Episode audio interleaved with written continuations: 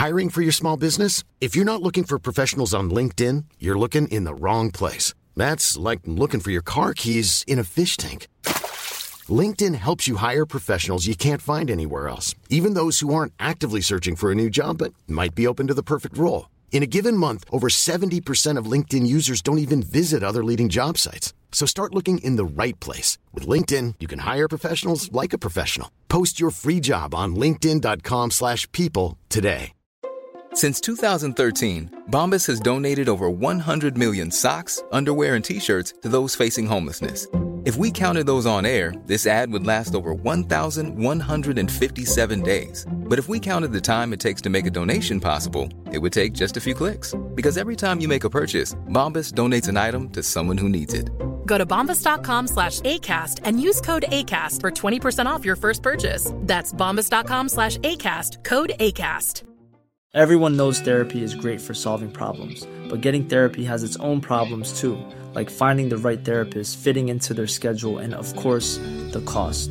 Well, BetterHelp can solve those problems. It's totally online and built around your schedule. It's surprisingly affordable too. Connect with a credentialed therapist by phone, video, or online chat, all from the comfort of your home. Visit betterhelp.com to learn more and save 10% on your first month. That's BetterHelp, H E L P.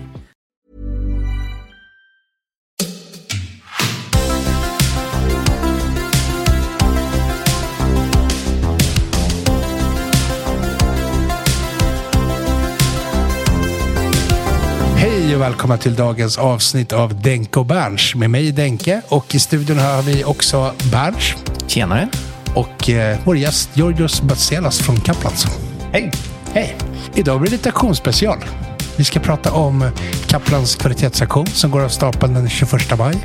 Och det borde väl när det här släpps vara knappt en vecka fram till auktionen.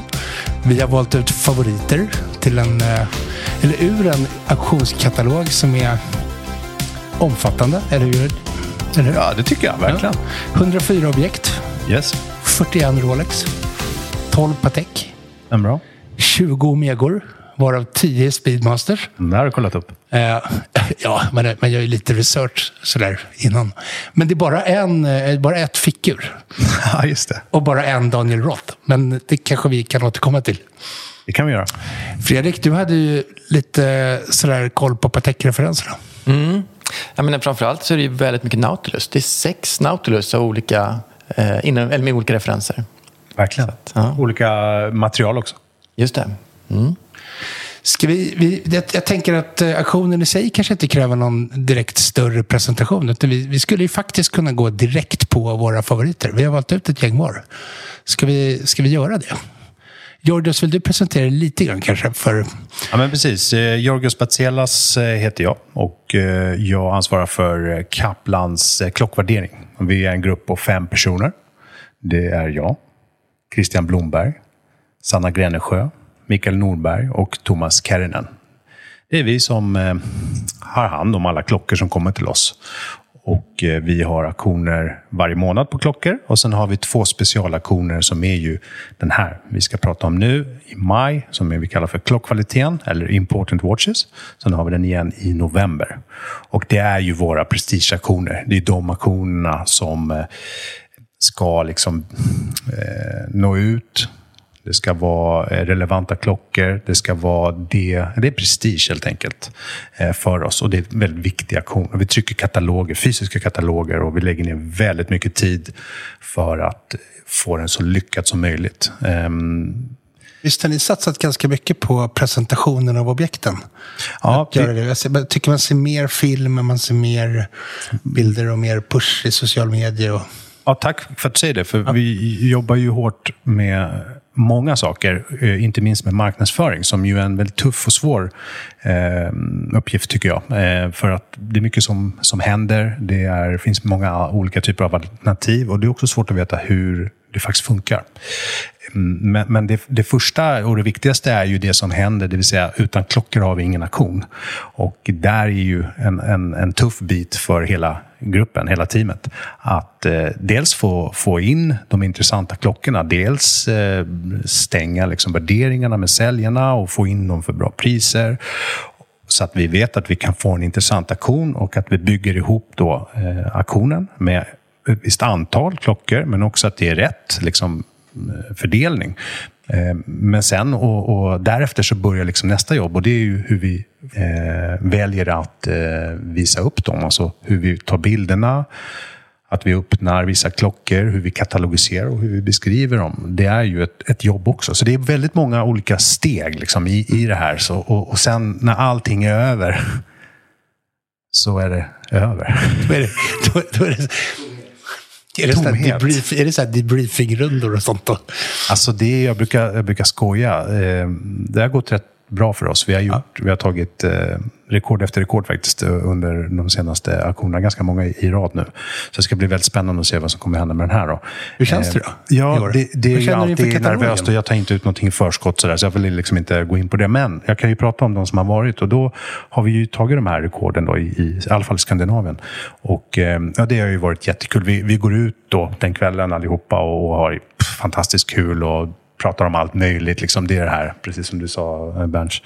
Det känns liksom, det, det är det där sköna att allting, allting är över. Men sen, sen så, ja, så vi, vi försöker ha, ha, ha så kul vi bara kan. Och sen så på måndagen, då är det som ingenting har hänt. Mm. Då är det liksom den nya konen. Det känns märkligt alltså. Det känns märkligt. Mm. Innan du presenterar dina favoriter ur katalogen i år, tänkte jag bara, Fredrik, var, du, du, vi har ju båda två faktiskt gått igenom katalogen och valt egna favoriter också. Men vad, vad tänker du inför årets aktion? Mm, men det finns någonting jag skulle vilja ta upp som jag tycker är viktigt. Och det här är lite Eh, eh, när jag har pratat med andra, vi hade till exempel en Clubhouse-kväll här för någon vecka sedan när vi diskuterade aktioner och så vidare. Och det som ni fick som väldigt positiv kritik, det har inte jag sagt till dig, eh, men det är att om det dyker upp information, kanske någon som, där, som tittar på objekten eller som eh, känner till saker och hör av sig till er, så är ni väldigt snabba på att uppdatera informationen i katalogen. Att det inte är så att eh, eh ni har prestigeskäl eller något annat låter bli det, utan kommer det till er ny information så fylls det på kontinuerligt i katalogen, vilket är väldigt, väldigt uppskattat. Ja, tack. Nej, men vi, vi är människor och uh, människor uh, är uh, flad, om man säger. det finns begränsningar. ja, det, vi vet om det. Mm. Och Det händer att vi hade faktiskt en, nyligen en sån uppdatering som vi gjorde. Det kom in en kund och jag minns inte vilken Patek, men det hade skrivit att det fanns viklås, fast det var inte viklås, utan det var mm. ett originalspänne. Man ändrade direkt, men det är ingen konstighet. Exakt. bara, ja, det, det vart fel. Mm. Mm. Så, så, så, länge det är sådana där saker så, som går liksom att fixa till, det är bara att göra. Sen, eh, vi, jobb är ju också att, att lösa liksom, saker och ting. Mm. Eh, vi går inte med på vad som helst. Nej, Men om det är som den kritiken som vi får är korrekt, då är det klart att vi vi tar åt oss. Ja, och för det här handlar det mer om att man tillför mer information. Det kan vara information som kanske inte alltid är lätt att hitta. Så är det någon som har grävt ner sig i en specifik klocka eller en referens eller liknande. Och såklart har den djupaste kunskapen. Och att man då kan få hjälp även av eh, eh de som är där som kunder eller potentiella köpare. Om, om vi tycker att det de har att komma med är relevant och vi, Exakt. vi, vi, tar ju inte, vi styrs ju inte av våra, av våra liksom, eh, kunder Nej. på något sätt egentligen. Men om det kommer information som, som vi tycker är relevant och vi tycker vi kan använda, då är det klart att vi skulle göra det. Mm. Eh, inga konstigheter alls.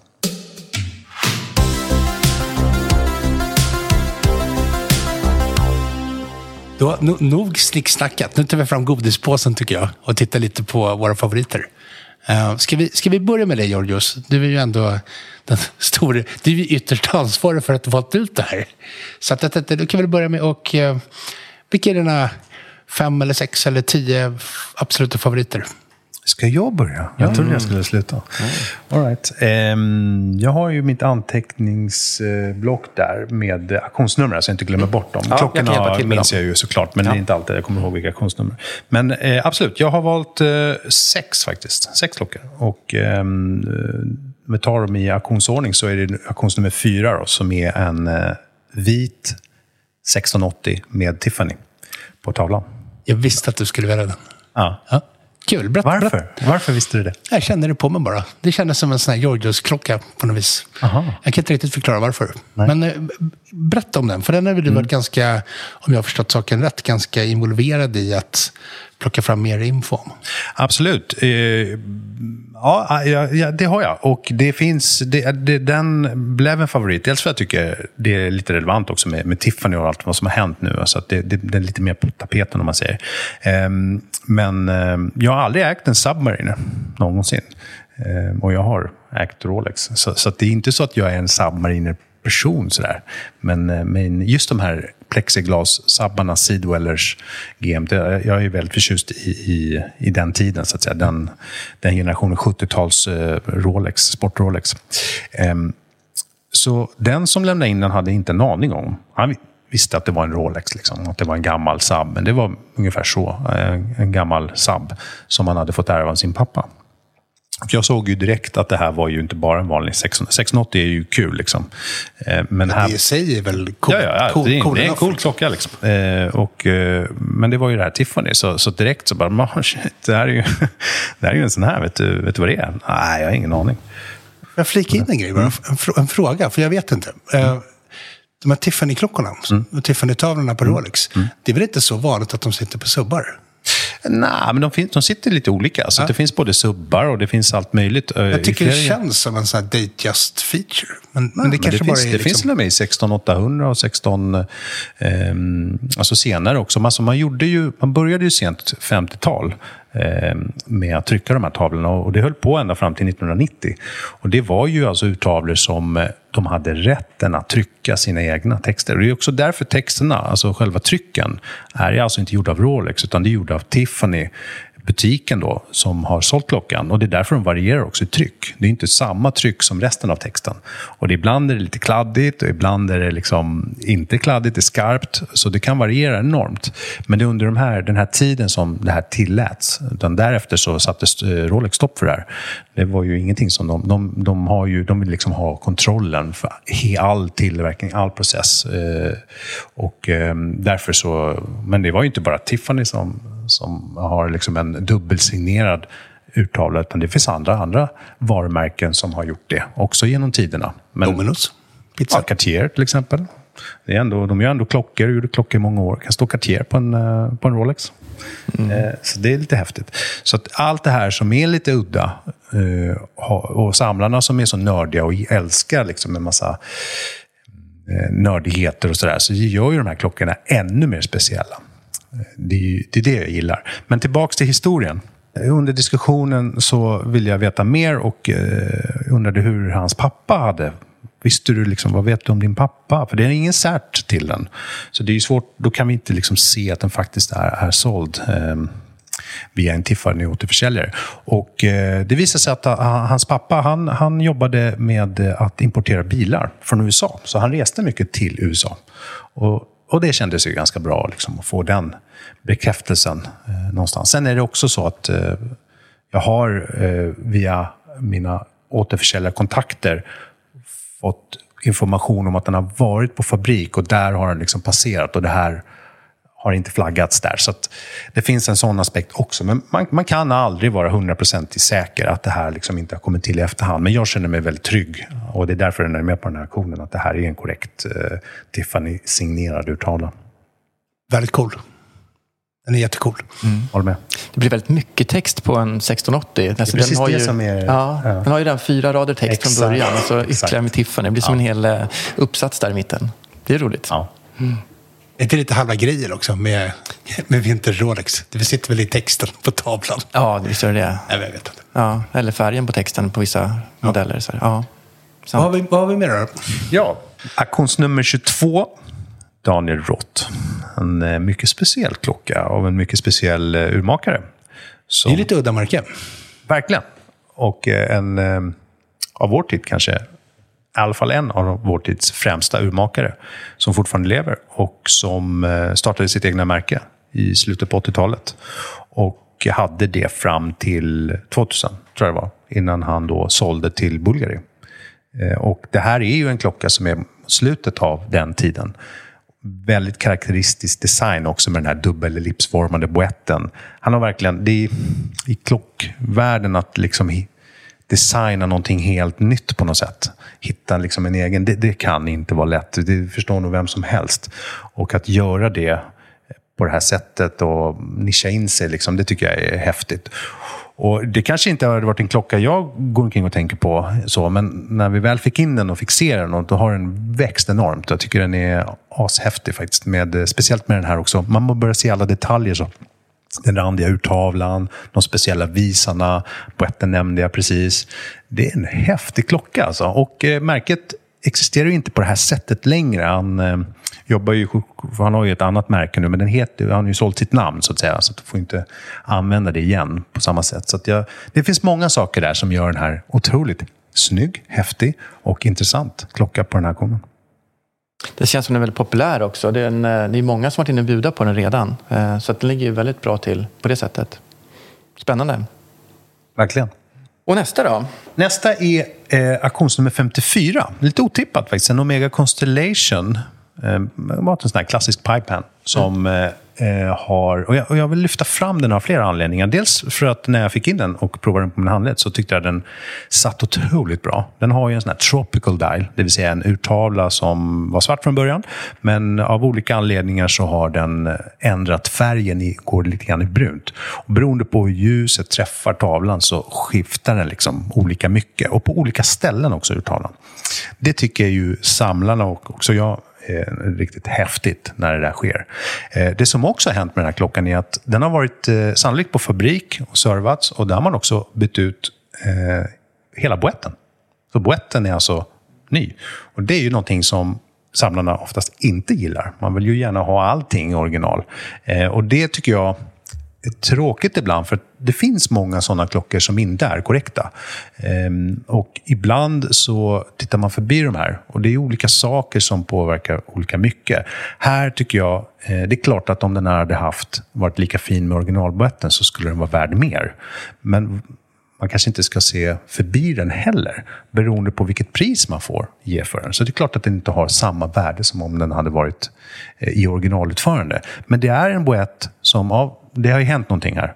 Och någon har valt att byta ut den. Och nu är det som det är. Den har fortfarande en väldigt charmig urtavla. Mm. Och varför ska någon liksom välja förbi den här? Ehm, jag, jag diggar den och jag skulle lätt kunna tänka mig att bära den. Och allting handlar inte om att det måste vara på ett visst sätt. Så länge det är originaldelar. Så, så därför det tycker jag, jag vill lyfta fram den också, också av den anledningen. Man tar, jag måste nästan flika in en liten fråga till dig Fredrik. Mm. Eh, med, just det här med utbytesboetter eller svetsade boetter som börjar bli vanligare på Rolex. Eller vanligare, men det dyker upp eh, på vintage Rolex. liksom, för, för, för Rolex-samlare mm. så är väl det... Alltså hur, hur resonerar man där? Det kanske är lika mycket... Eh lika, mycket, lika, lika fel för alla märken mm. och alla samlare. Men att just, det finns många som har så starka åsikter om Rolex. Så där känns det verkligen som tabu lite grann att ta en, en utbytespoet. Eller mm. det kan kännas... Jag kan väl på något sätt tycka att en utbytespoet känns mer ärligt än en sån här hopplockad klocka. När man har tagit en trasig klocka, slagit ihop med en annan trasig klocka, kanske en tredje för att få en hel. Eh, men samtidigt så för mig så är det ju att det är att allt är, att allt är korrekt. Att det är eh, Rolex-delen en Rolex-klocka eller Omega-delen en Omega-klocka. Det är nog det absolut viktigaste. Och det håller jag med om. Och inget annat är egentligen ett alternativ. Nej. Utan det finns eh, liksom, det, det, då är det totalt ointressant. Ja. Eh, men att det finns många sådana klockor på marknaden och att man, man liksom, så länge det kan, som sagt, någonting har pajat, någonting har varit trasigt och någon har valt att göra på det här sättet. Så länge det är gjort på korrekt sätt. Man kan ju liksom inte gå tillbaka till tiden och hitta, hitta den här rätta boetten kanske. Man kan ju, som du sa, man bygger ihop den och, mm. och, hittar gamla grejer och sådär. Nu, men nu är den liksom ärlig på det sättet. Och, mm. eh, ett, ett, ett, en, hopbyggd klocka är ju något helt annat. Men jag vill också så. poängtera här, vi, jag nämnde också priset. Mm. Det, det, mm. Vi pratar Rolex nu. Vi pratar inte 10 och 20, kanske 30 000 kronor. Det gör vi inte. Nej. Men det är vad den här klockan kommer gå för. Kan man inte få upp en Datejust? kan man inte köpa en Datejust för 15 000 längre? Ja.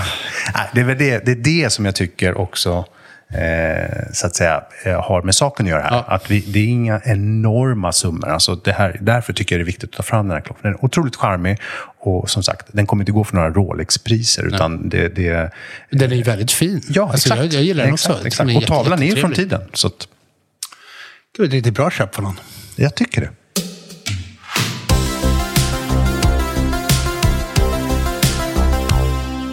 Eh, nummer 77, det är faktiskt min eh, absoluta favorit på auktionen. Det är den jag hade tagit med mig hem. Tatt med mig hem.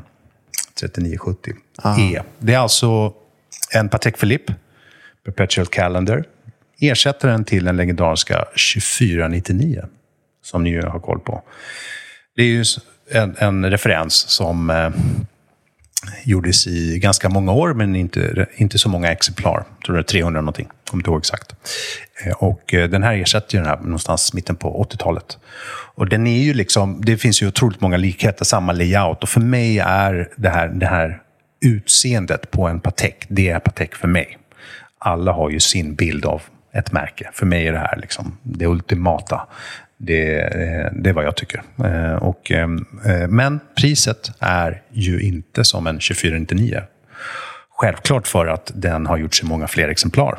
Och det har inte, men jag tycker ändå, mm, jämfört med andra Patek-modeller, så har ju den här liksom prisnivåerna hållit sig ganska stabila. Vad jag vill säga är att jämfört med vad du får och vad den representerar så är det fortfarande en väldigt prisvärd, om man nu får säga så, Patek. Och eh, hade jag haft pengarna så hade jag ju lätt eh, gått in i en, en budgivning på den här. För jag tycker den är värd betydligt mer än vad, vad marknaden har sett att den är under en ja, ganska lång tid. Kan du säga, det här var en av, eh, fanns ju på min lista också ska jag erkänna. Eh, kan du säga någonting om det här specifika objektet? Mm. Det finns ju fyra olika generationer av den här. Ehm, och den här är ju den näst sista som då Ja, det finns, man kan nörda in på de här olika generationerna. Då. De är ju olika intressanta och sådär. Men den här är ju levererad 1992, stämmer det? Mm, jag tycker jag såg det. Ja. Vi har utdrag ur arkiv och eh, utdraget är beställt av en grekisk man. På baksidan av gravyren så är ett grekiskt efternamn. Det är det här jag vill komma till. Åh, oh, jag är glad nu. Ja, ja. Eh, jag, jag, den här informationen kan jag liksom inte bekräfta, men det, det, finns liksom inget skriftligt som vi har liksom, när vi använder oss av proveniens, där någon kan styrka det här. Men mm. eh, det är inte den personen som har lämnat in den. Nej. Det är den personen har köpt den från den som har så att säga, lämnat de, de här uppgifterna. Eller då har jag fått det här utdraget. Då. Mm. Och där så eh, är det då, eh, sägs det då att det här är en, en någon militär i, i Grekland då, mm. som, som eh, ska ha fått den här för någonting. Okej. Okay. Ja. Eh, så, men, men jag har försökt kolla upp det här namnet, det har inte lett mig jag har ju nämligen googlat på namnet ja. Eh, och jag tror ju då att eh, allt som finns på internet stämmer. Så eh, enligt mig så är det en grekisk boxare. Pugilist, Fredrik. Mm, det har vi pratat om innan. Nej, det kan inte vara det. Pugilist. Eh, som eh, box... Men hur gammal är han? Ja, men han, jag vågar inte säga hur gammal han är. Jag tänker att gravyren kanske inte måste tillkommit samma år som den är köpt, utan den kan ha kommit senare. Det här är en boxare som heter Mike. Ar, du får hjälpa mig. Ah, ja, ja. Eh, Arnautis heter Precis, jag, jag hittade ju det där också. Det är bara det att det kändes Nej, du är inte riktigt överens. Inte, nej, nej, och det är bra. Att, det, vi ska inte säga ja, att det här är sant. Då, men jag, jag, jag, gillar de här lite, mm. eh, när det blir som en liten saga omkring själva klockan. Ja. Och det här är en professionell boxare i lätt vältevikt. Som han är typ har... i min ålder, eller hur? Ja, han född på 70-talet. Ja, det kan jag tänka mig. Han var nog på sitt peak här i början på 2000-talet. Eh, och Eh, har gått, nu måste jag slå upp här, han har gått 40 eh, matcher, han har 26 vinster, 13 på knockout. Känner, är ju... han, är, han är stor i Grekland, jag, mm. jag, jag känner till honom. Jag ju, mina föräldrar kommer därifrån, så ja. jag har ju koppling till, mm. till Grekland. Eh, jag, jag, jag stötte på det där också, ja. men eh, det var inte... Nej, men det är bra jag tror inte att... Alltså jag, jag vet ju inte. Det här är ju en... Jag har ju fått höra det här av den som har lämnat in den här, ja. och det är ju inte det, jag kan säga att det är en, det är en svensk person liksom, mm. eh, som i sin tur har köpt den någon annanstans. Mm. Och sen Men är, det här så... lite, lite, är det här lite breaking? Att det, kanske, det, det kan vara en eh, grekisk militär, men det kan mm. också vara en grekisk pugilist. Ja, ja alltså absolut. Eh, det, det, är ändå ganska viktigt här nu att vi ja. säljer inte den här på, med någon som helst proveniens. Mm. Och det här, vi har inte ens tagit fotat beställningen av... För det är alltså ett papper med. När du beställer ett utdrag ur arkiv så kan, får du med, när du får mm. eh, utdraget, ett papper på vem det är som har beställt den. Och den som har beställt den är, det är en grekisk adress. ett grekiskt namn. Det är inte han. Det är inte Mike Nej. då. Det är, det är en annan. Det är en annan person bara. Eh, och, eh, där, och med den här gravyren på baksidan bekräftar ju, tycker jag, lite grann att den här är... Eh, den har sålts i Grekland. Eller det finns ett förflutet i Grekland. That's it. Och Patek, de ger ju inte, lämnar ju inte ut om, någonting om den här är såld. Och vi har ju inget cert heller. Så vi Nej. kan se var, var, var den såld, så att säga. Men o- oavsett så är det ju kul därför att det ger ju en yttre dimension till klockan. Alltså just det här lite mystiken runt det är precis det här som du och jag brukar prata om Fredrik, att vi gillar. Där Ja, det men finns det- det drömska i det. Jag håller Du med. ser nästan Mm. lite så här Ja, jag blir glad. Ja, ja. jag tänker jag, jag har ju googlat bilder på boxaren och så här, tänker jag ska se honom mer. Nu står han ju alltid i ringen liksom, i sina bilder, så man ser aldrig några klockor på honom. Men, så jag tycker sånt är roligt, men jag måste erkänna det. Eh, och eh, vad, vad, vi- vad vi nog kan vara överens om, eh, oavsett vad, vad den här historien, som vi, ingen av oss kan bekräfta, det är ju att den här gravyren i alla fall inte förstör. Sant. Mm. Det är, exakt, den bygger någonting. Den ger ett extra värde. Det håller jag helt med Ja, om. den förstör i alla fall inte. Nej, ja. Så, så att, eh, I alla fall inte för mig och uppenbarligen inte för dig. Nej. Tänker du? Hade du hellre velat haft den här utan gravyr? Nu, nu, nu, kom nu, nu satte ni dit mig. Ja. Ja, men det är ändå intressant. Då var vi inte alla överens. Men jag är ju, klockan jag på mig idag till exempel, en Hoyer. Gammal vintage Hoyer från 66. Jag eh, tycker att det är jättejobbigt att det är ett hirschband på. För mig känns det som att det är helt så här, skulle kunna, kunna gå omkring med en Steinhardt. Jag vill ha ett Hoyer-band.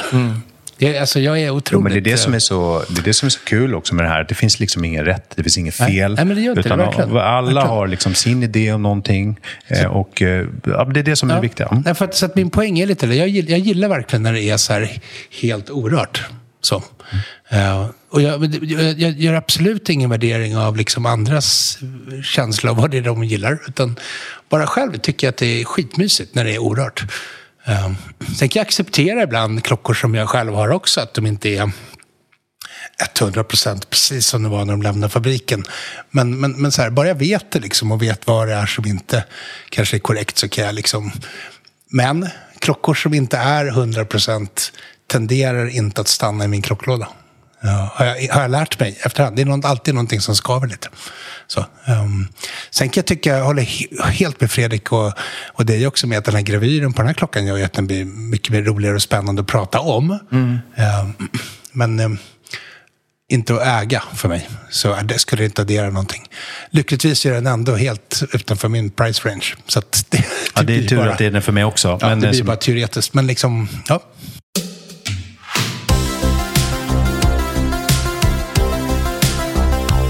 Ja, nu har vi pratat hela podden här. Eh, då har vi nästa då, auktionsnummer 80. Det är, jag har valt faktiskt en, en 5712. Nu, nu pratar vi lite grann om att vi har många pateker på den här auktionen. Och varför jag valde just 5712 är för att jag tycker att eh, jämfört med en 5711, som vi har tre av, så får du ju fler funktioner. Eh, du har ju eh, reservtid och du har månfas. Utöver då de funktionerna som du får i en 5711. Ungefär samma prisrange. Nu är det ju mycket som händer på, på marknaden med, med priserna på de här klockorna. Men eh, eh, det, det är eh, ändå i förhållande till ungefär samma pengar, så det kan skilja lite grann. Men, men det är fortfarande miljonen plus. Så eh, därför så tycker jag det är kul att välja ut någon modern klassiker. Och vi har ganska många på den här auktionen. Och då tyckte jag att just den hade kunnat varit en, eh, någon Rolex sportmodell också. Eh, men, men nu valde jag den här av den anledningen. Ja, du har en till. Dags för, din, det är dags för ditt sjätte val då, Georgios. Ja, och mitt eh, sjätte val och sista val är auktionsnummer 103. är en Daydate 18238. Och det är ju... Det kände jag också på mig. Ja, okej. Ehm, då ska jag fråga nu varför... Det är absolut inte något negativt. Utan bara för att jag vet att du gillar Date Just Fan, du känner Date. mig för bra. Ja, jag tror det. ja, men vad kul, eh, Denke, att du, ehm, du känner mig så bra. Det, det måste jag säga. Det, är- det är fint. Eh, nej, men vet du varför, varför tror du jag valde den? Nej, det, det vågar jag inte uttala om. Nej, men den är ju sjukt fin. Ja. Eh, jag, jag är inte liksom... Inte liksom day- day-date för mig. Jag har aldrig varit jätteförtjust i presidentlänken. Jag säger som det är. Jag har alltid gillat jubileelänken mer. Så skulle jag köpa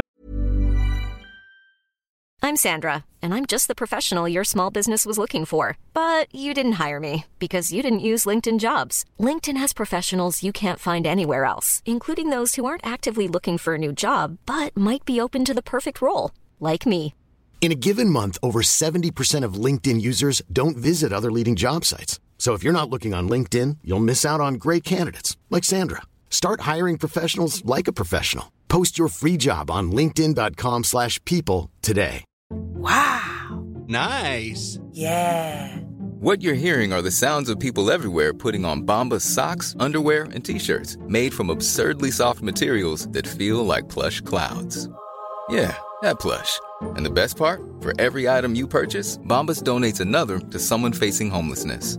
Bombas. Big comfort for everyone. Go to bombas.com slash ACAST and use code ACAST for 20% off your first purchase. That's bombas.com slash ACAST. Code ACAST.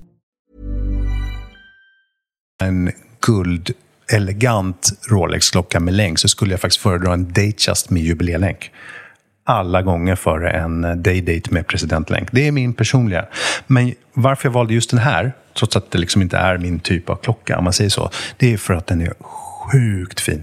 Alltså, har den som köpte den här på nymansur, men det var inte nymansur utan det var Douglas Krok, eh, 1990 köpte någon den och tog väl på sig den och, och promenerade hem. Och sen så, that's about it. Och det är det som jag tycker är så himla häftigt. Så, för så många år sedan, att, någon, att man kan hitta en klocka, gammal referens, som är i princip oanvänd. Det är ju ashäftigt. Det är häftigt. Min känsla är att det är vanligare när det gäller guldklockor. Att det, det är inte vardagsklockan, Japp. det är finklockan. Japp. Och då hamnar den lättare i lådan Nej, som glöms bort. Ja. Ja, det är det som är häftigt. så kul också tycker jag. Att ibland, ibland så kan man bara se en klocka som man gillar bara för att den är så jävla fin. Helt enkelt. Mm. Inget mer. Det behöver inte vara så mycket mer. Man bara tycker att den är vacker. Får jag fråga en fråga när det gäller Day-Date generellt, kanske till er båda. Eh, vilket språk skulle ni föredra på dagskivan? För det här tycker jag är lite roligt. Det är ju, ibland ser man ju svenska, men oftast är det engelska. Ibland är det lite spanska och lite tyska kanske sådär. Nej, Jag, jag är Seiko-fantast. Jag säger Kanye. Ja, det hade ju varit jättekult faktiskt. Ja. Man fattar ju ingenting. Det är helt dagvild då. Precis, Ja. är att man är helt off. Ja. Jag hade faktiskt jag har aldrig tänkt på det. Eh, I och med det jag sa innan, att jag gärna skulle ta en date just. Ja. Eh, Men om det skulle vara så, så skulle det språket som var... Jag skulle önska att det var något annat språk än något jag kan prata. Så att säga. Och då hade jag försökt lära mig de veckodagarna, vilket Ja. hade gett mig något nytt. Så Ja. det spelar faktiskt ingen roll. Då? Så länge det inte är engelska eller svenska, då, eller ja. grekiska. Ja, just det. Eh, jag vet faktiskt inte. Jag kan tycka det är coolt med kanske italienska eller spanska som jag, jag förstår, Mm. men det är inte engelska. Eh, men kanske jag skulle sträcka mig lite längre, så där, finska eller någonting. Bara för att Inte? det hade varit jättegott. Finska skulle jag ha. Ja, Jag men, eh, jag, jag umgicks väldigt mycket med två finska Av, av killar. alla språk. Ja, men det förstår man ju inte. och det är olika. Nej, jag kan säga massor med grejer på finska, just för att jag umgicks med, med två finnar under mina unga år. Så, så att, eh, Kan du alla veckodagar på finska?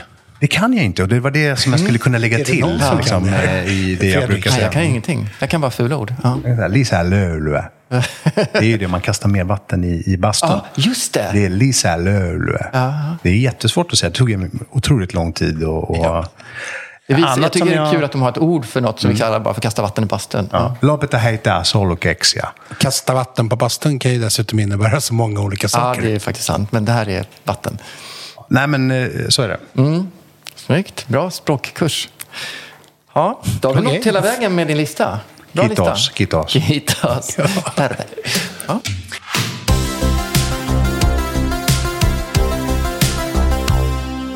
Ska vi ta Fredriks favoriter? ja, gärna.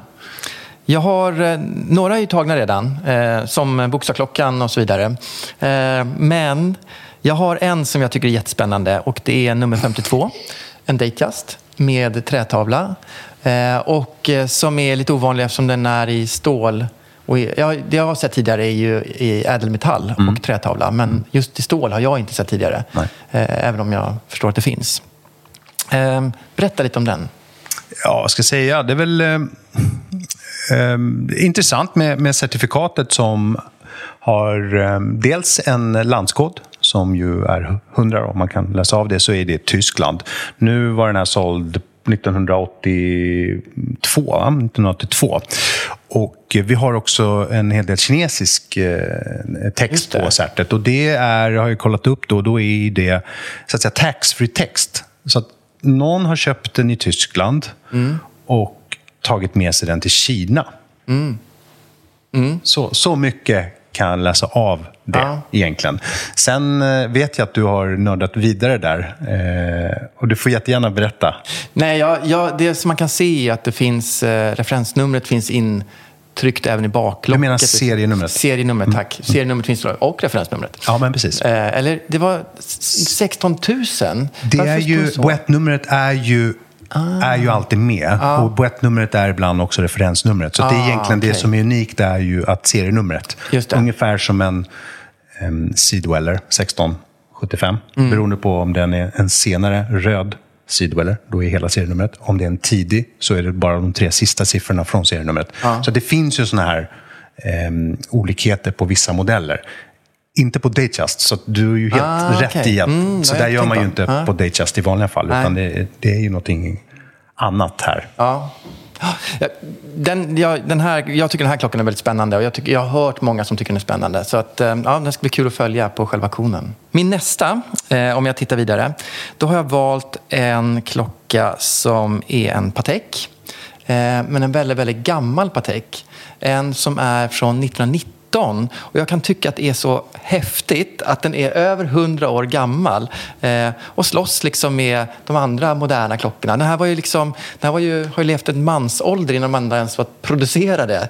Så det, sådana saker kan jag, kan jag tycka är jätte, jättehäftigt. Det är faktiskt väldigt ballt. Ja. Jag håller med Som dig. gamla klockor. Jag håller med. Det är därför den är med också. Va, va, kan inte du förklara, vad heter den här klockan? Den här modellen av klockan? Jag kan inte ens uttala vad det...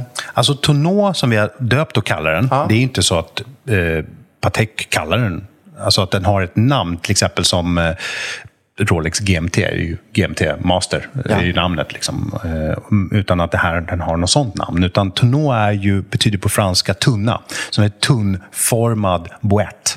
Så det är någonting som vi, säger jag, alltså samlarna, ha- har döpt den till. Så att den ser ut som en tunna. Då tror jag inte det fanns något namn så, utan det var ju ett tidigt armbandsur.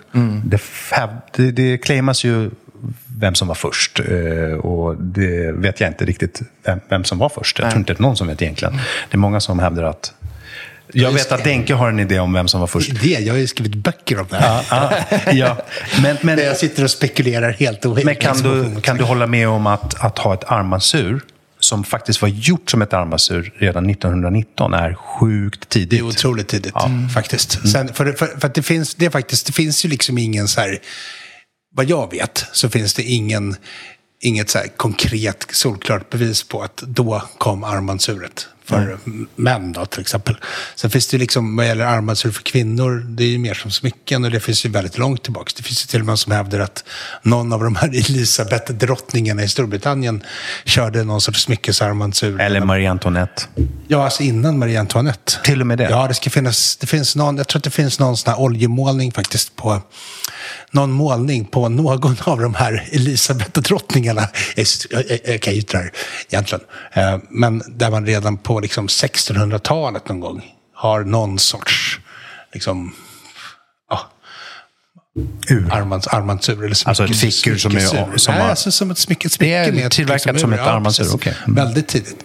Eh, kanske inte 1600-talet, men 17, en bit, ja, någonstans där. Det är ju ett jättehäftigt hä- häftigt ämne. Men, men sen, sen så här, herruren, det är ju mycket, mycket mer liksom höjt i dunkel. Det finns ju lite exempel på franska marinen som hade på sig någon sorts, jag tror att det var Belle Ross var det ju inte. Det var något annat franskt märke. Något annat märke. Eh, Beller, att de bar Beller Ross redan på 1850-talet. nej, nej, men det finns lite exempel från historien på hur man har liksom experimenterat med armbandsur och, och sådär. Men, men, men du som har eh, skrivit om det här och, och, och gjort mycket research. liksom men, men man kan väl vara överens om att på- för, för på här, herrurets historia ju, kommer ju väldigt mycket med krigen. Verkligen, Eller hur? verkligen, verkligen. Det börjar väl någonstans där på 1900-talet. Men det man ofta inte pratar om, det är ju faktiskt det här med att, att det ansågs lite omanligt att ha armbandsur. Mm. För att armbandsur sågs som en grej för, för kvinnor. Mm. Det var som ett smycke. Och då, sen är det mycket mer praktiskt än ett fickor. Så att någonstans där liksom fram till 30, 40, 50-talet någon gång så, så var det fortfarande så att de flesta tyckte att en riktig karl ska ha fickor. Mm. Um, och det kan man ju också se min egen spekulation kring det är väl att marknadsföringen av armbandsur som kom ganska hårt på liksom 30, 40 och 50-talet är ju kanske just för att faktiskt få, man etablerar ju en helt ny vana under den tiden. Mm. Att gå från att använda fickor, när rovan, till att, till att börja ha klockan på armen istället. Så att 1919 är väldigt tidigt, väldigt coolt. Bara det är ju liksom värt att lägga bud på, på denna mm. fantastiska pjäs.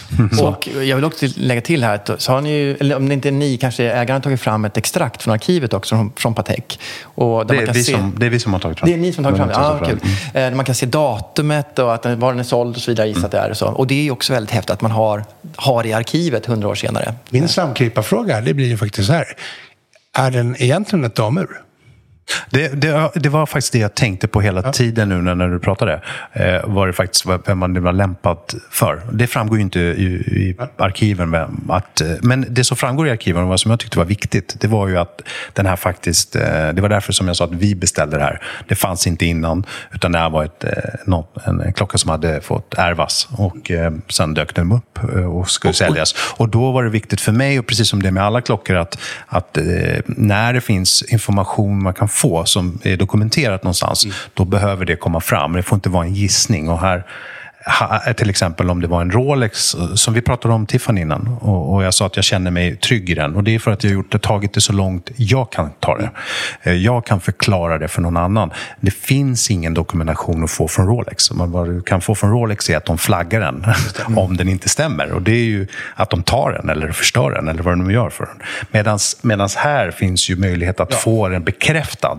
Att det faktiskt är levererad med de här. Den här boettnumret och det här serienumret. Och det gör de baserat på bilder som jag har tagit, eller vi har tagit. Det är inte jag som har tagit den personen. Det man, det man kan säga också om det här med dam eller herrur, det är ju faktiskt att om det hade varit ett damur från Patek från 1919 så hade den sannolikt inte sett ut som den gör. Då hade den sett ut mycket, mycket mer som ett smycke. Till exempel som det, den smyckespaketpatecken som du hade förut, mm, Fredrik, som också finns i boken 12 klockor. Eh, den är ju mycket uppenbarligen ett, ett, ett damsmycke. Mm. Eh, den här klockan är ju mer liksom unisex. Plus att det spelar någon roll egentligen. Nej, jag tycker inte det. Det är en skithäftig klocka och mm. har man liksom rätt arm och rätt ja. stil för det så spelar det ingen roll om man är kille eller tjej eller icke-binär eller vad man nu väljer att definiera sig som. Mm. Snyggt. Ja. Ja, men det är ja, kul, kul klocka. Eh, och jag har egentligen bara en till på min lista eh, innan den är klar. Och det är en som jag har trånat efter ganska länge själv. Det är en Rolex Daytona 16520, en Zenit Daytona. Eh, och jag tycker att den här ser fin ut. Jag, jag, jag, kan den inte jättebra, den referensen. Jag vet att beroende på vilket år eller vilket, eh, vilken bokstav de har i, i eh, eh serienumret så är de lite olika. Men eh, jag tycker att den får lite de här bruna, eh, som Patrizi eh, subdials eh, Eh, och, och det, det tilltalar mig. Jag gillar dem. Eh, mm, fin, jättefin. Jätte, jättecool. Ja. Tänkte du på också hur vi har döpt den? Nej, måste jag kolla. Vad har ni döpt den till? Då? Tritinova. Ja, det tänkte jag på. Mm. Var, det, var det för någonting var bytt? Var visarna bytt eller var det bara... Nej. Säg, berätta. Enligt, eh, enligt det så ska ingenting vara bytt. Nej, Utan mm. det här är ju slutet 90-tal. Då minns inte jag om det var 98 eller 99. Mm. Eh, det får vi kolla upp. Mm. Men slutet 90-tal, och du vet ju vad som hände då. Mm. Eh, vi går från eh, tritium till luminova. Och de här tavlorna som redan är tryckta med tritium, alltså själva tritiumet har inte pålagts. Tritiumet är ju lysmassan. Ja. Så man går från en annan lysmassa, från tritium till luminova, som har olika typer av, de, de fungerar på olika sätt. Mm. Eh, då är tavlorna alltså redan tryckta, men, de, men ingen lysmassa är pålagd. Om man går över då till luminova, och man har kvar de här tavlorna, så har man alltså valt att lägga luminova på en tavla som är markerad att den ska ha tritium. Ah. Där har du skiftet det som då... Vi har faktiskt en klocka till, en, en Explorer, som också är en Trizinova. Och det här är någonting som har... Det här är mycket intressant för att jag har sett ganska många sådana klockor och det var inte jättelänge sedan. Det är ändå några år sedan som jag har uppmärksammat de här där jag har undrat om vad det var för någonting. Eh, Men nu känner jag mig, eh, sedan en tid, så känner jag mig väldigt säker att det här är, och det är ett begrepp också, det är inte jag som har hittat på det här med Trizinova, Nej. utan det är ett begrepp och att just när de är i skarven så är det Tritium, tritiumtavla med Luminova. Exakt. Eh, ja, från fabriken Luminova. Yes. Ja, eh, Yes.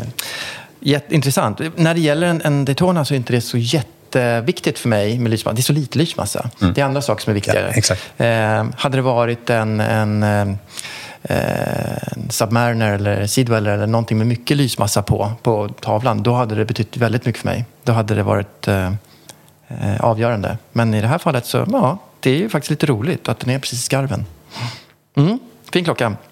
Det var min sista eh, av min lista. Ja. Så nu tänker jag Är, är det jag kvar? släppa ordet till dig. Ja. Ja.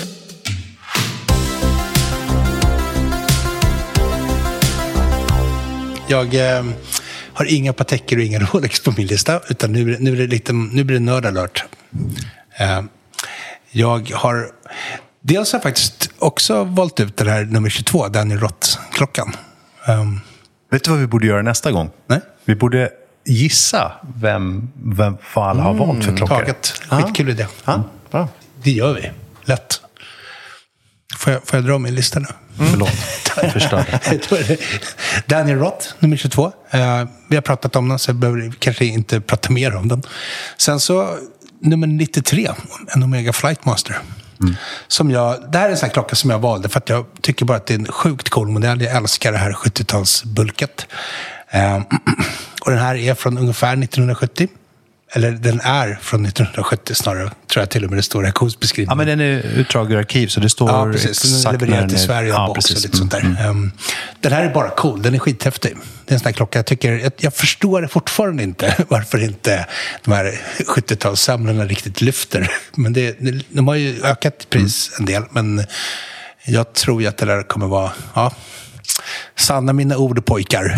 Den är ju sjukt fin också. Den Det exemplaret är ju också sådär... Det var lite det jag eh, reagerade på ja, också. ja, att det, ja, det känns som ja. att den har liksom precis rätt. Det var Ja, nästan så att det ja, var- Det stämmer, det håller ihop liksom. Precis. Sen har jag ju tre till då, som är lite mer så här, jag har lite mer att säga om dem. Eh, för, för, först den här, en eh, auktionsnummer 24, Lawrence Aquastar. Nördklockan nummer ett, tänker jag, på den här auktionen. Eh, jag kommer säkert bli hängd för att jag pratar om den nu, därför att den här vet jag att det är massor med, massor med andra klockintresserade som sitter och tänker så att den där ska vi ha. Den här är ju liksom, den här har ju allt det där som de, som, som vi som gillar 60-talsmys coola klockor har. Alltså den har ju verkligen allt. Den är inte för stor, den är knappt 38. Uh, eh, den har manuellt verk, den har plexiglas, den har den här sköna skindiver-looken som är så i ropet. Ehm, ja, jag gillar den. Tavlan är jättefin. Den är liksom precis sådär lagom, lagom skick. Liksom. Inte, inte så här nos, men inte heller möglig. Ja, men det kan bli en riktig... Jag hoppas att den drar iväg. Och faktiskt. Ja, jag håller med. Och Aquastar har ju ett helt eget språk också, Ja, verkligen. utseende, som är väldigt tilltalande. Jag, jag har alltid haft ett, liksom, när jag ser dem så reagerar jag och tycker att det är väldigt coolt. Eh, Min nästa, det är en eh, auktionsnummer 69. Det här är lite otippat, men det är en Omega Constellation, en Manhattan. Det är egentligen en, apropå det här med vi pratade om förut lite grann med dam och herr, herrur, att den här kanske ligger liksom någonstans på gränsen mellan att vara, är det en damiga klocka? Du eller? glömde säga att den är i helguld. Ja, jag tänkte komma till det. Ah, Att den är, förlåt. den är hel, helguld. Och den är dessutom urtavlad med diamanter. Det, Just det. Jag tycker det är skithäftigt. Från typ 85. Um, skulle kunna vara någonting som Gordon Gecko hade på sig. Men det hade han inte det. Så men jag tycker den är lite ball. Den har, den har liksom en ganska, ganska fräck design på urtavlan och på vridringen runt med de här små... Jag vet inte heter när det går ut små hasplar nästan över De kallas för... Eh, bars. nej. Vi Ribs. pratar på, eh, på, på eh, Wetten, eller hur? Ja, De har ett namn. visst har de det? Ja, de har ett namn. Klon. Klona. Klor. Klona. Klor, Klona. precis. Mm, Ja, Klona. klart. Det är klart att det är klor. Det borde vi ju kunna räkna ut. Men den är liten. Det är en 32, 32,5 Yes. ungefär. Men sagt, cool guldklocka, kvartsverk, 85. Har precis det där sköna, skön så här 80-talsfeeling. Det gillar jag. Eh, Ni sitter bara helt tysta. Fredrik, du Mm, nej, sitter ja. bara och ler och Ja, tycker ja. att det är så här. Sen har vi faktiskt min favorit. Det här är min absoluta favorit. Eh, Jag har knappt vågat titta på liksom vad, den, vad vi pratar om för, för pengar på den här klockan. Men det är auktionsnummer 43. Ett fickur. Eh, IWC. Scarabeus. Jag kan inte uttala det. Det, ska säkert uttalas så här Scarabeus eller något sånt där fräsigt. Men det här är en klocka, det här är ett fickur som är designat och format av en kille som heter Ernst Fuchs. Och Ernst Fuchs är en, det är en riktig sköning. Han, han föddes i 1930 i Wien. Och han gick bort 2015 också i Wien. Eh, han var en österrikisk, han var både konstnär och arkitekt och grafiker och musiker. Och det finns massa sköna bilder på honom och han har en här fes på huvudet. Eh, och han, han rörde sig lite grann i de här surrealistkretsarna. Eller han var väl någonstans, nu, nu, nu kommer säkert någon sån här konsthistoriker slå ner på mig för att jag inte är helt total korrekt här. Men man skulle kunna säga att han jobbade lite med, han, han, var, han var väl någon sorts surrealist fast mer av ett österrikiskt snitt. Eh, och han gjorde en del grejer med Salvador Dalí, om jag har förstått saken rätt. Och sådär. Eh, men så har han också då formgett den här jacket, det här jäkligt häftiga fickuret.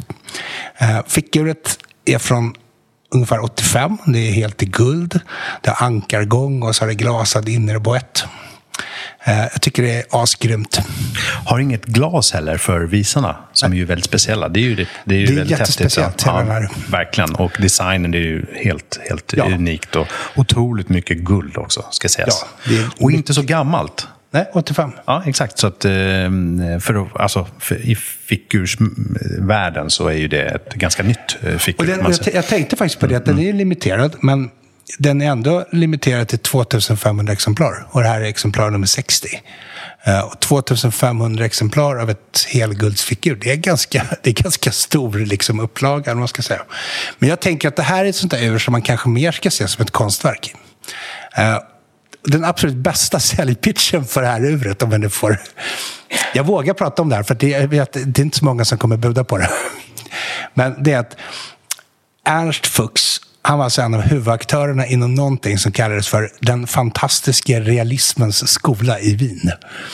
Och är man det, då måste man ha ett fickur. Wow, fan, jag är imponerad av, eh, jag är imponerad av allt där som du kommer. Verkligen. Det är häftigt. Men att klockor kan liksom skapa de här Ja, alltså det- det... här är ju jätteintressant och fascinerande, för det är inte så mycket annat som gör det eh, egentligen. Nej, men jag tycker att det- här bara, bara det här som du, den här entusiasmen som du eh, pratar Ja, men jag blir lite ja, ja, ja, det, det, det att jag menar. Det är som ett, ja, ett konstverk som man kan ha med sig på något sätt, liksom, och som också visar tiden. Det kan ju vara ett armbandsur på samma sätt också, som ger den här eh, Och jag, jag tror faktiskt också att sånt- den här typen av, av ur, den landar ju liksom någonstans mellan ska man säga, riktig konst och, och liksom formgivning och fickor. För det här är, ju- det är ju sjukt opraktiskt med ett sånt där, inget glas eller så. att det blir väldigt det är knepigt att ha med sig. Men, men om någon, mot förmodan, som lyssnar på det här skulle få för sig att köpa det här fickuret, snälla använd det. Ja, tänk Det, det är skithäftigt. någon frågar ja, om- det är asballt. Någon frågar om tiden om man tar fram det här. Ja. Tänk dig reaktionen på dem. Ja, ja. Vid busstationen. Ja, precis. Precis. Eh, Ja. Nej, men det var mina. Jag har inga fler. Nej, ja. När går auktionen? 21 maj, och det är en lördag. Börjar klockan ett. kör vi igång. Kan man vara på plats? Ja, alla är välkomna. Ja. Finns Vi- det en begränsning i antal platser? Nej, inte så här års, Nej. på att säga. Eh, Men eh, de är borta. Så, så många som får plats egentligen. Fysisk begränsning, inget eh, folkhälsoskäl? Eh, nej, ja, men precis. Eh, det är väl så många som vi kommer att ha vakter och så. Så att vi, vi, vi får ju se till att folk också kan röra sig. Men vi, jag vet inte, det ska bli spännande att se faktiskt. För nu har vi haft eh, två år där vi eh, överlag har, har haft eh, eh, Eh, kompensation just med på nätet. Och det har funkat jättebra för oss. att det har kunnat, Men det är såklart tråkigare.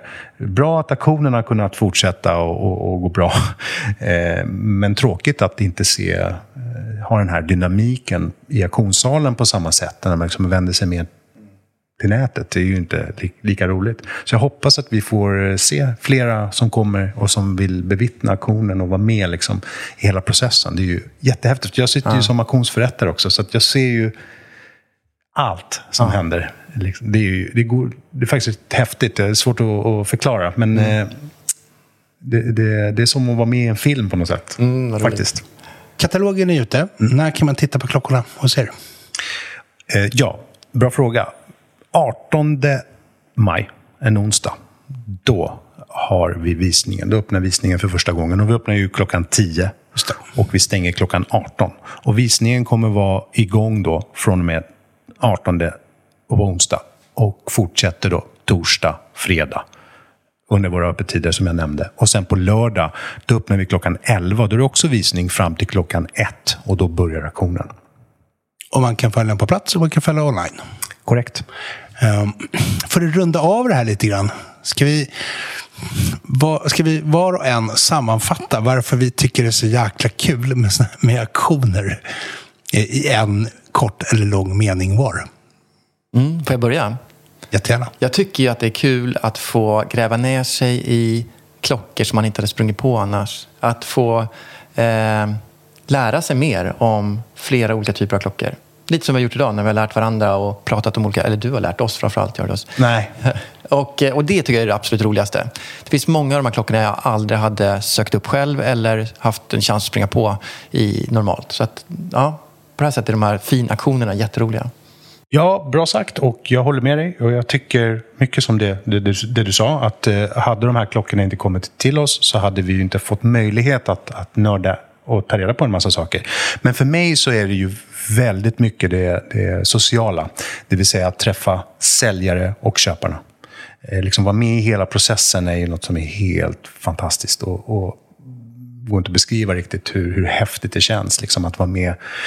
Eh, det kan vara knepigt i början och det, man kommer någonstans på vägen och sen så händer det någonting. Och sen så, jag menar, det är folk på visningen, det är när vi tar bilderna. Den är väldigt mäktig process liksom, som sen tar slut och då finns det en historia där också.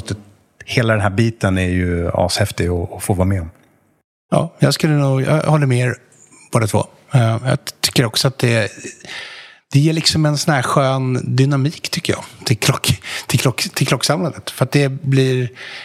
Man kan ju se på auktionen lite som så här, det är lite dramatik och det är lite, man, får lite så här, man får lite skön uppdatering på, på marknadspriser på klockor och man lär sig massa. Och, man får höra folk skvallra lite om olika modeller och klockor. Det är lite, lite så smygspel. Och man får Men också är, det, också är det live. Jag kan ja, tycka om det. Det är som att se på en hockeymatch på riktigt. Ja. Det, det, är där och då det sker.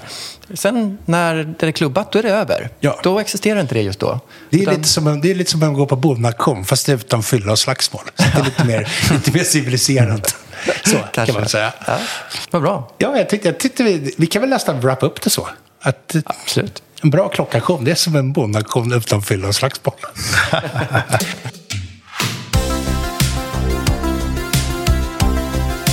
Georgios, tack så jättemycket för att du ville komma hit. Tack för att jag fick komma. Och berätta om auktionen och välja dina favoriter. Tack för att vi fick dela med oss av våra favoriter till dig också och få lite kommentarer på dem. Ja, verkligen. Det var ja. jättekul och intressant samtal den här gången. Eh, roligare än vad vi brukar göra. Ja, men det var verkligen Men vart en, eh, som, vart, vi var tre. Ja. Vi brukar vara två, så ja. det var mm. spännande. Tack alla ni som lyssnat. Denk och Berns podcast är tillbaka igen. Sen. Ja. Tack, tack.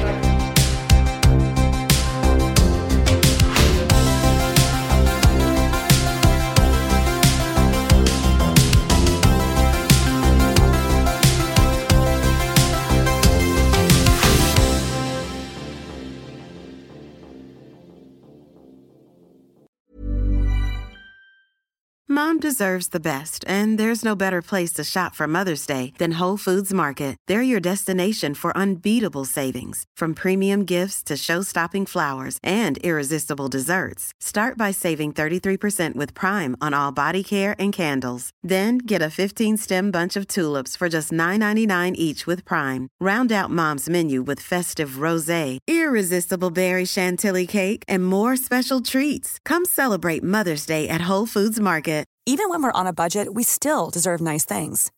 Quince is a place to scoop up stunning high-end goods for 50 to 80% less than similar brands. They have buttery soft cashmere sweaters starting at $50, luxurious Italian leather bags, and so much more. Plus, Quince only works with factories that use safe, ethical, and responsible manufacturing. Get the high-end goods you'll love without the high price tag with Quince. Go to quince.com/style for free shipping and 365 day returns.